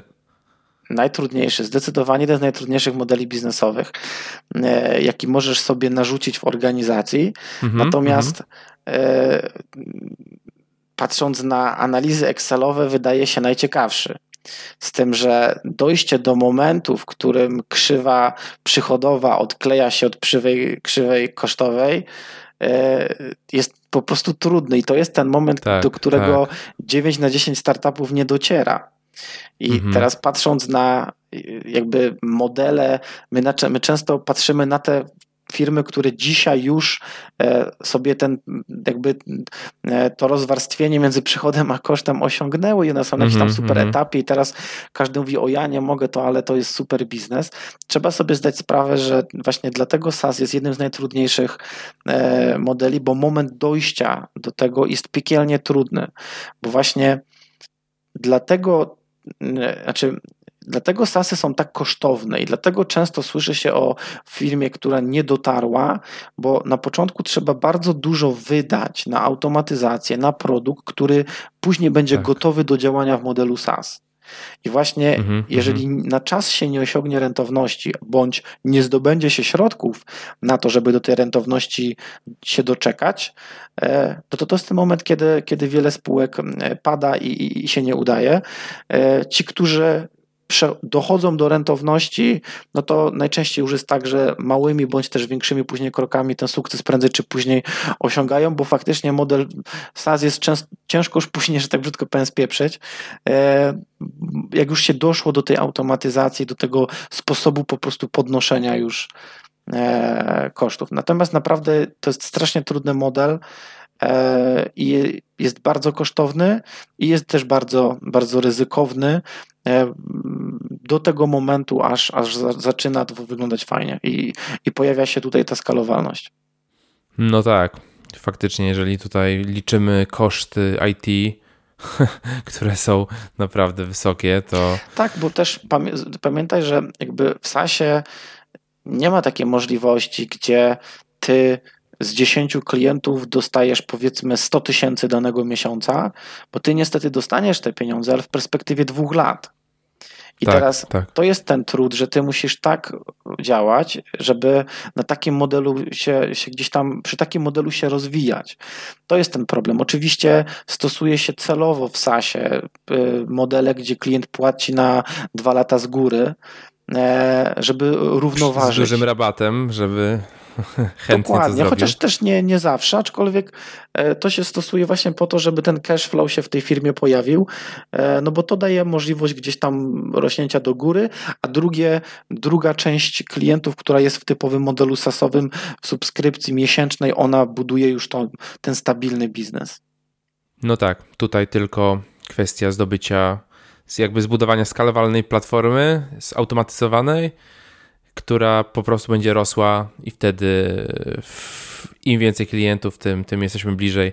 No i musimy po prostu wycelować w moment dojścia do tego break-even. I jak nam się uda Dokładnie. z obecną kasą, to, to jesteśmy e, wtedy naprawdę już w dobrej, dobrej pozycji. E, a powiedz, e, mamy Sasa, ok, a musimy ustalić mhm. jakieś, nie wiem, progi, e, ile, ile ten klient ma płacić miesięcznie.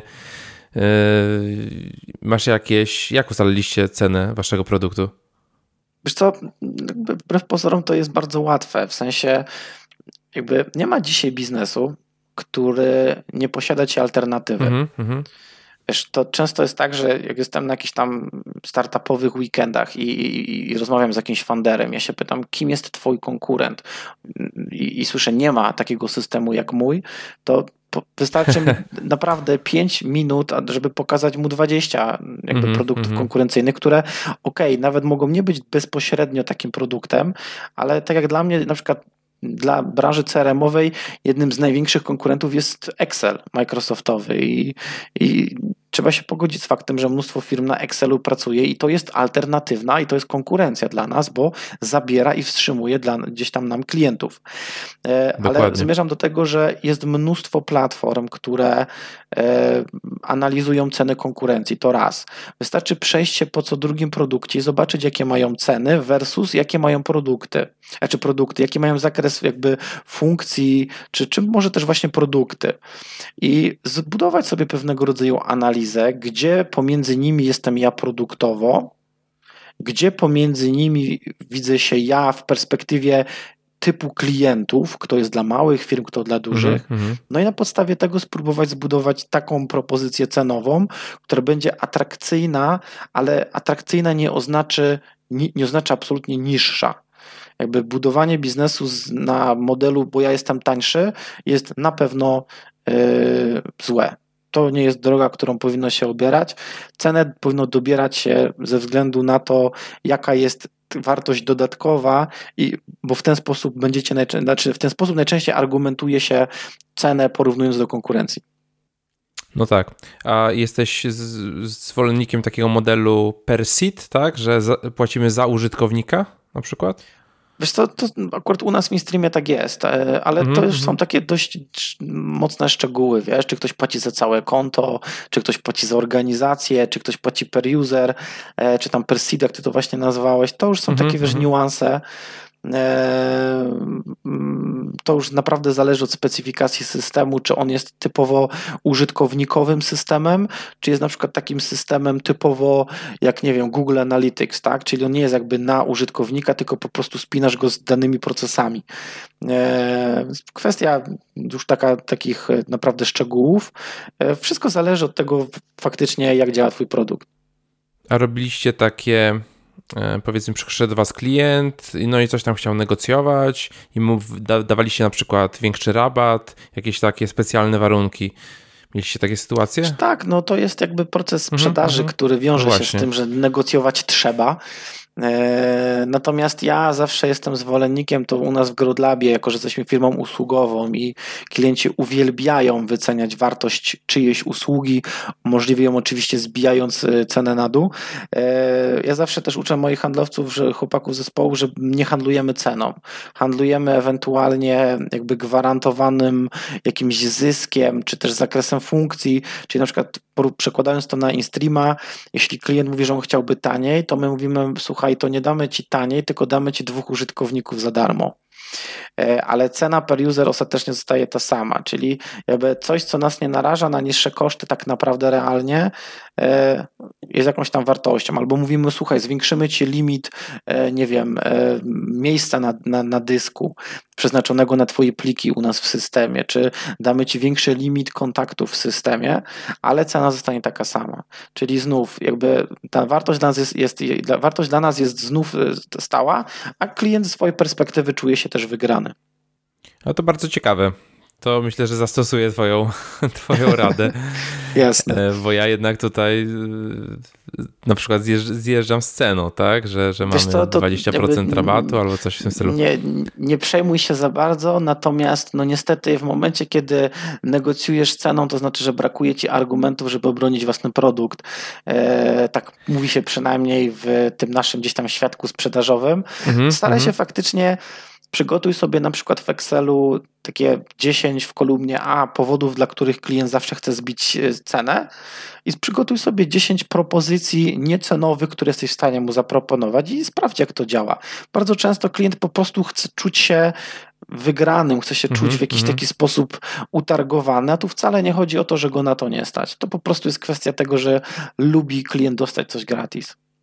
No tak. E, Okej, okay, a miałbyś jakieś wskazówki dla początkujących? Jakich, jakich pułapek unikać problemów w budowie SASA czy, czy ogólnie biznesu? Pewnie, znaczy jest tego mnóstwo, także... No właśnie, bo tego, tego, robisz też y, jakiś mentoring, tak? I jakieś wykłady? Mm. Zdarza się tak, zdarza mi się prowadzić wykłady na, na kilku uniwersytetach, między innymi warszawski, e, między innymi w Poznaniu, Politechnika, artystyczny, E, medyczny. Też współpracuję z paroma akceleratorami, e, prowadząc i mentorując tam startupy. E, wiesz, jeśli chodzi o SASy, to przede wszystkim uczymy, uczę, ja staram się, żeby, żeby automatyzowali wszystkie procesy. E, żeby to nie była taka praca na zasadzie a wrzucę coś na Face'a, a coś tam, nie wiem, napiszę. Niech to będzie rozpisane, zaplanowane, e, policzone odpowiednio. W sensie trzeba mieć świadomość, że mm, tutaj grają liczby, czyli trzeba doskonale znać, jakie są koszty pozyskania klienta, czyli tak zwany Customer Acquisition Cost, jakie jest lifetime value, e, jaki jest churn, czyli jakby różne metryki, które mają bardzo duży wpływ na to, czy biznes idzie w dobrym kierunku. Mhm, mhm też zawsze mm, radzę, żeby jeśli chodzi o sam produkt, żeby outsourcować możliwie dużo jak się da. Mam tu na myśli nie budować własnego systemu płatności, jeśli istnieje 150 produktów od tego. Nie budować własnych tutoriali, jeśli istnieją bardzo fajne aplikacje, które to wspierają. Nie budować własnego systemu notyfikacji, skoro są odpowiednie serwery od tego. Chodzi o to, że jeśli się obudowuje za bardzo technologicznie takimi pierdołami, to później przy odpowiedniej skali systemu to się pojawia problem, bo nagle się okazuje, że firma przez trzy miesiące zamiast wdrażać aplikację mobilną, to będzie wewnętrznie zmieniać na przykład moduł płatności. To z perspektywy klienta oznacza brak rozwoju, a z perspektywy firmy po prostu koszty. Więc y, takich, takich miejsc trudnych jest, jest dość dużo. Ale zapraszam na przeróżne moje występy. Za dwa tygodnie za bramką w Poznaniu, e, miasto Poznań robi taki, e, taki bardzo fajny event. E, zapraszam też do akceleratora Huge Thing. Trochę tego jest, także, mhm. także zawsze coś fajnego gdzieś można znaleźć. Fajnie. Jak się w ogóle wkręciłeś w takie, w takie eventy? Wiesz to wyszło chyba samo z siebie na tej zasadzie. Kiedyś ktoś zapytał, czy wpadnę, nie pogadamy i tak naprawdę z pierwszego gdzieś tam występu pojawiły się kolejne e, i tak w ten sposób na jakichś tam rekomendacjach e, poczty pantoflowej e, się to rozniosło. Fajnie, fajnie. To gratulacje, bo w sumie jesteś, kurczę, młodym gościem, tak? 29 znaczy, lat. Tak, znaczy myślę, że to jest dodatkowy atut, wiesz, że ja nie, nie, nigdy nie prowadzę żadnych takich zajęć z rzeczy, które jakby nie są nawet mi jeszcze bliskie i to jest o tyle fajne, że jak wpadam do akceleratora, to, to, to ja rozmawiam o tych samych problemach takich naszych wspólnych z tymi osobami. E, nie, nie mówię im, jak, ma, jak, jak, nie wiem, jak wygląda proces sprzedaży w korporacji, bo ich to guzik interesuje, tylko pokazuję mm -hmm. im mhm. na LinkedInie, jak mogą, nie wiem, w trzy dni zdobyć pierwszego klienta, nie mając kompletnie na to środków, no bo doskonale wiem, że właśnie po to są w akceleratorze. I myślę, że to jest taka fajna, fajna wartość, że my rozmawiamy o bardzo aktualnych problemach. No właśnie, chciałem pogadać jeszcze chwilę o tych twoich nowych e, tych inicjatywach leadowych, tak? Czyli Growth mhm. Lab i Lead Vikings. Tak. E, Lead Vikings to jest spółka, która jest nastawiona na międzynarodowy consulting, czy jakby Wiesz, pomoc sprzedaży? Jest tak naprawdę, Lead Vikings jest tak naprawdę Growth Labem, tylko mhm. po prostu z zagranicznym e, e, wizerunkiem. Jesteśmy gdzieś tam już też nauczeni e, tego, że na pewnym, pewnej skali biznesu kwestie brandingowe mają ogromne znaczenie. Po Istnieje co nowa taka marka? spółka growlab.com, mm, mm, okay. z którą no nie bylibyśmy w tym momencie z Grodla.pl się, się przebić, dlatego my już z definicji stworzyliśmy od razu Lead Vikings, bo wiedzieliśmy, że ten dzień nastąpi, e, więc to lepiej po prostu jeszcze operując na małych kosztach marketingowych, lepiej zacząć już od razu budować markę e, zagraniczną. Natomiast obie spółki, znaczy spółki, to jest tak naprawdę jeden podmiot gospodarczy, to są dwa osobne brandy i trochę wewnętrznie inne e, takie zespoły biznesowe. Obie spółki zajmują się w 100% dostarczaniem e, potencjału sprzedażowego klientom różnymi metodami, bo czasami jest to po prostu są to kampanie cold mailowe, kampanie LinkedIn Automation, ale też są to szkolenia, e, wsparcie w optymalizacji procesów. Także najczęściej to jest tak, że odzywa się do nas firma, nagle jest dłuższa rozmowa na temat ich potrzeb i problemów i wtedy dobieramy odpowiednie rozwiązania w zależności do tego, co robią, kim jest ich klient, na jakim rynku, e, jakie mają zasoby, środki, żeby zainwestować w sprzedaż i tak też e, mówiąc wprost, na ile lidów mogą sobie pozwolić, bo -hmm. wbrew pozorom wcale nie jest tak, że każda firma chciałaby ich jak najwięcej, bo to jednak są takie biznesy, gdzie 10 dobrych lidów to już jest odpowiedni materiał do pracy na kwartał. Tak, tak, faktycznie. E, faktycznie. E, a powiedz mi, e, myślicie o też o posiłkowaniu się jakimś finansowaniem w tych, w tych spółkach, czy to już ma rosnąć organicznie, jakby w, nie, nie będziecie tutaj się e, zewnętrzną kasą posiłkować? E, znaczy, wiesz co, zawsze, zawsze pozostawiamy sobie taką możliwość obecnie analizujemy, czy chcemy przez najbliższe dwa lata dojść tam, gdzie chcemy być organicznie, czy e, chcemy e, pozyskać dodatkowe środki. E, no ja tak powiem, mimo tego, że to są dopiero 3-4 lata, my się trochę czujemy już starymi wygami, jeśli chodzi o kwestie czy to inwestycyjne, czy właśnie budowanie gdzieś tam na wczesnym etapie firmy. E, idziemy naprawdę stabilnie i, i, dokładnie w kierunku, w którym chcemy iść. Póki co jesteśmy spółką rentowną, spółką generującą zyski, natomiast nie ma się co czarować. Nie takie zyski, które pozwolą zatrudnić 20 programistów, e, bo to naprawdę musiałby być świetny wynik finansowy po gdzieś tam 8 miesiącach działalności firmy. Tak. E, to jest kwestia gdzieś tam u nas wewnętrznie podjęcia decyzji, czy wolimy zrobić to wolniej, e, ale własnymi zasobami, czy jednak czas sytuacja rynkowa jest o tyle istotna, że musimy jednak uwzględnić zrobienie tego, co planujemy e, w krótkim odcinku, krótszym odcinku czasu. Czas pokaże, szczerze mówiąc. Na razie jesteśmy na etapie rozmów wewnętrznych, analiz i podejmowania decyzji. Fajnie, fajnie. A mógłbyś zdradzić jeszcze jakieś tipsy i triki generowania leadów? Może, może jakieś narzędzia? Ostatnio miałeś bardzo fajną prezentację na Auli, e, gdzie po prostu rzuciłeś tymi narzędziami tak, tak, co, znaczy było, ta prezentacja... Tak, tak dużo, że było ciężko to przetrawić nawet. wiesz, prezentacja miała być trochę kontrowersyjna w tym sensie, że ja mam pełną świadomość tego, że trochę wyglądało to tak, że wszedł gość, pokazał w ogóle jak schakować pięć rzeczy i, i wyszedł. Yy ja wiedziałem, że kto co będzie na, tych, na tym wystąpieniu mówić. Uznałem, że właśnie takie trochę zaczarowanie będzie fajne, e, bo kto tak naprawdę później będzie chciał, to się do nas odezwie na spokojnie, wtedy już sobie porozmawiamy. To 15 minut na scenie nie daje żadnych szans, żeby na spokojnie mówić cały proces. E, jeśli nam to zajmuje jeden dzień w jakiejś firmie, żeby omówić procesy i na, w ramach takiego wewnętrznego szkolenia, to gdzie 15 minut? Więc trochę to był taki żeby pokazać, zobaczcie jak dużo tego jest, a jak mało jeszcze dzisiaj wiecie. E, natomiast wiesz, ze sprzedażą jest tak, że fajnie jest znać te triki, e, natomiast trzeba faktycznie mieć pełną świadomość, że e, to wszystko i tak musi być dobrze e, zaprojektowane.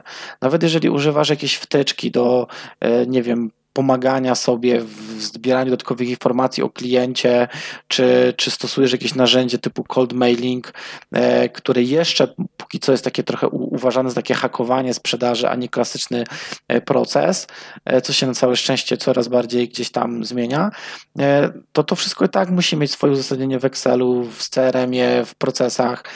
E, ciężko jest mi tak powiedzieć, wiesz, nie mając okazji tego pokazania. Natomiast wystarczy wygooglować sobie e, w, w, Filip w Google Filip Duszczak e, generowanie leadów, czy zrobić to samo na YouTubie. Ja, ja, bardzo dużo dzielę się tą wiedzą, bo uważam, że to zawsze później w jakiś tam sposób fajnie wraca, więc zachęcam do, do wyszuki, wyszukania i coś na pewno fajnego tam każdy znajdzie dla siebie. Super, dzięki. E, Filip, jeszcze kilka takich pytań osobistych. Pewnie. Powiedz, e, na pewno jakoś tą, tą wiedzę biznesową, czy jakąś motywację, inspirację e, czerpałeś z książek. Powiedz, masz takie, mógłbyś po, polecić jakieś dwie książki, które miały na ciebie duży wpływ? Hmm. Wiesz, dwie, tak? Dwie, może, może być jedna, może mogą być trzy. Znaczy, obawiam się, że nie mam chyba takich książek, które tak ogólnie na mnie wpłynęły. Mm chyba. Mhm. Raczej nie. Ja w ogóle to, co bardzo lubię w książkach, to jest to, że ja, czy, ja czytam bardzo wolno książki. W sensie nie mam tak, że siadam do książki po dwóch dniach mam ją przeczytaną, a to często dlatego, że ja czytając książkę momentalnie wpadam na 20 pomysłów. Mm. I, ale ja właśnie w tym widzę największą wartość książek, że ja momentalnie uczę się, testuję, konfrontuję to, co czytam z rzeczywistością i, i, i tak też dobieram sobie książki, żeby one w różnych aspektach mojego życia miały na mnie wpływ.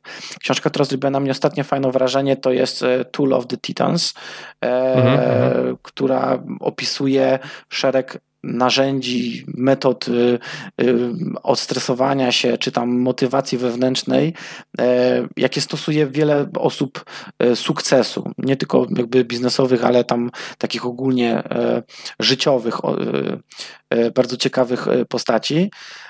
Biznesowo polecam książkę Crossing the Chasm, polecam książkę Predictable Revenue Arona Rossa, która bardzo dużo mówi o właśnie sprzedaży i tych takich modelach sprzedaży gdzie stosuje się prospektowanie, czy takie te nowoczesne metody, które my stosujemy. A podsumowując, wiesz, ja naprawdę polecam książki czytać. Ja się śmieję Jasne. i właśnie na takich prezentacjach, gdzie y, właśnie mówię do startupów, y, zauważam dzisiaj, czy otwierając sobie jakąś książkę, którą czytałem 3-4 lata temu, gdzie było wyraźnie napisane nie rób X, i czytałem to, że mam tego nie robić, natomiast co oczywiste jest to, że musiałem to zrobić i ten błąd mhm. popełnić. I dzisiaj czytając, jakby, że przecież miałem to przed nosem, tą wskazówkę, czemu tego nie zastosowałem, śmieję się do siebie, e, ale naprawdę polecam czytać wszelkiego rodzaju książki oparte na case study różnych osób, które przejadły się gdzieś tam tym biznesem, przejechały się na swoich błędach, bo oni mają naprawdę świetne rady i, i, i warto gdzieś tam odzwierciedlać to w swoich firmach, w, swoich, e, w swoim codziennym życiu. Dokładnie, albo posłuchać podcastu z albo takim wy jak ty, który już przeszedł prawie wszystko. E, a masz coś takiego, e, co ci sprawia trudność? Czym jesteś niezbyt dobry? No, myślę, że, że, że każdy ma. E, ja jestem fatalny w prowadzeniu firmy, mówiąc wprost. Ja mam całe szczęście wspólnika, który, który jest świetny w kwestiach organizacyjnych, jest świetnym kontrolerem finansowym i, i generalnie świetnym finansistą. Ja się kompletnie nie nadaję do spraw administracyjnych, organizacyjnych. E, mam taki charakter straszno, strasznie kreatywno-wizjonerski. Bardzo szybko e, podniecam się jakimiś nowymi pomysłami, chcę działać, co powoduje, że właśnie nie nadaje się do kwestii administracyjnych, takich e, wymagających chirurgicznej precyzji w kwestiach właśnie finansowych. E, I na całe szczęście nie muszę tego robić. To jest bardzo fajne, właśnie a propos tego, co na samym początku rozmawialiśmy, wspólników, bo na pewnym etapie firmy, kiedy byłem sam, te rzeczy trochę powodowały, że to przedsiębiorczość nie tyle, że mi się odwidziała, ale tak trochę straciła te piękne barwy. Natomiast w pewnym mhm. momencie na szczęście doszło do mnie, że to nie dlatego, że to tak jest, tylko dlatego, że zajmuję się sprawami, którymi w ogóle nie powinienem się w życiu zajmować i, i to był moment, kiedy oddałem tą część biznesu ludziom, którzy się na tym znają znają, a ja po prostu robię pozostałe rzeczy, w których czuję się świetnie i sprawiają mi mega frajdę codziennie. Super, super. Na pewno też to jest cenna wskazówka. E, masz kogoś, kim się inspirujesz? Czy w Polsce, czy na zachodzie? Wiesz co, chyba tak samo jak z książkami. E, nie mam takiej osoby, która mm, jakby, nie wiem, Gary Wajnerczuk i teraz powiem, że tak, bo X. Tak, będzie w Garego Polsce lubię, teraz. Garego lubię nieraz posłuchać, bo po prostu jest tak nahypowanym człowiekiem, że e, tak, jest, tak. Lepszy, jest, jest lepszy niż kawa i, i to w nim na przykład lubię, ale tylko to. E, uważam, że mówi za dużo i za szybko. E, natomiast ta część Garego do mnie przemawia, na przykład, nie? Dla przykładu. E, tak, Wydaje tak. mi się, że z różnych osób cenię sobie inne, inne rzeczy. Wiesz co, w Polsce mm, lubię się po prostu otaczać osobami, które są biznesowo 5-10 lat przede mną, dlatego że z każdym rokiem bycia w biznesie uczę się cierpliwości do tego biznesu, uczę się tego, że on naprawdę jest wypracowany latami, a nie jest jednorazowym strzałem. Mm -hmm. I bardzo lubię przebywać z takimi osobami, bo one mają już sobie w, w sobie tą taką dojrzałość biznesową, a przebywając z nimi, ja czuję, że ja też coraz więcej jej, coraz więcej jej nabywam, a to na pewno działa zarówno dobrze dla mnie, jak dla moich inwestorów, jak i, jak i całej naszej firmy. Ale nie mam takiej konkretnie żadnej osoby. Na przykład ostatnio dla przykładu e, miałem okazję spotkać się z Pawłem Tkaczykiem. Co prawda to było krótkie, godzinne spotkanie gdzieś tam, ale Paweł rzucił mi jedną taką radą, która właściwie zmieniła cały mój 2018 rok, jeśli chodzi o moje działania marketingowe i Paweł ratował mi życie. Właściwie negując wszystko, co chciałem zrobić. Jakby wszystko, całe moje założenie Paweł zbił do, do podsumowania, że idę w złym kierunku i jestem za to cholernie wdzięczny. E, I, i to, są, to są gdzieś tam moje takie inspiracje, gdzie od każdego wezmę coś. Fajnie, fajnie, super. Filip, dzięki serdeczne za długi, bardzo inspirujący, ciekawy wywiad. E, mam również nadzieję, dziękuję że bardzo. Tobie się również podobało i mam nadzieję, że naszym słuchaczom również. E, no i co? Pewnie, jak najbardziej. Bardzo dziękuję. Dzięki. mamy nadzieję, że, że będziecie, że InStream wróci, wróci tam, tam, gdzie, tam, gdzie jest, bo na pewno jest to bardzo, bardzo cenne, e, cenne i dobre narzędzie, tak, co było widać po recenzjach. E, mam nadzieję, że wasze nowe, nowe inicjatywy także będą się rozwijały. No i że wszystkim nam się będzie żyło lepiej. E, siadajmy, budujmy biznesy. Można zrobić naprawdę dużo fajnych rzeczy. Dzięki jeszcze raz i do Również usłyszenia. dziękuję. Pewnie. Do usłyszenia. Pozdrawiam. No i to już wszystko na dzisiaj.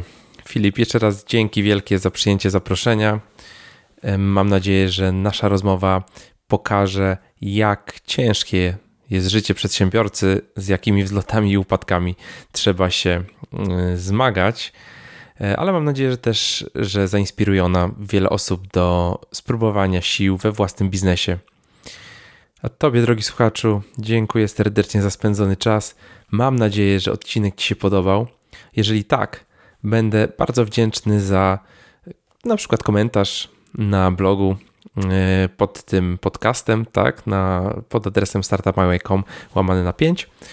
E, będzie mi też bardzo miło i pomoże to w rozwoju podcastu, jeżeli zostawisz pięciogwiazdkową recenzję na iTunes. Jeszcze raz dzięki i do usłyszenia w kolejnym odcinku.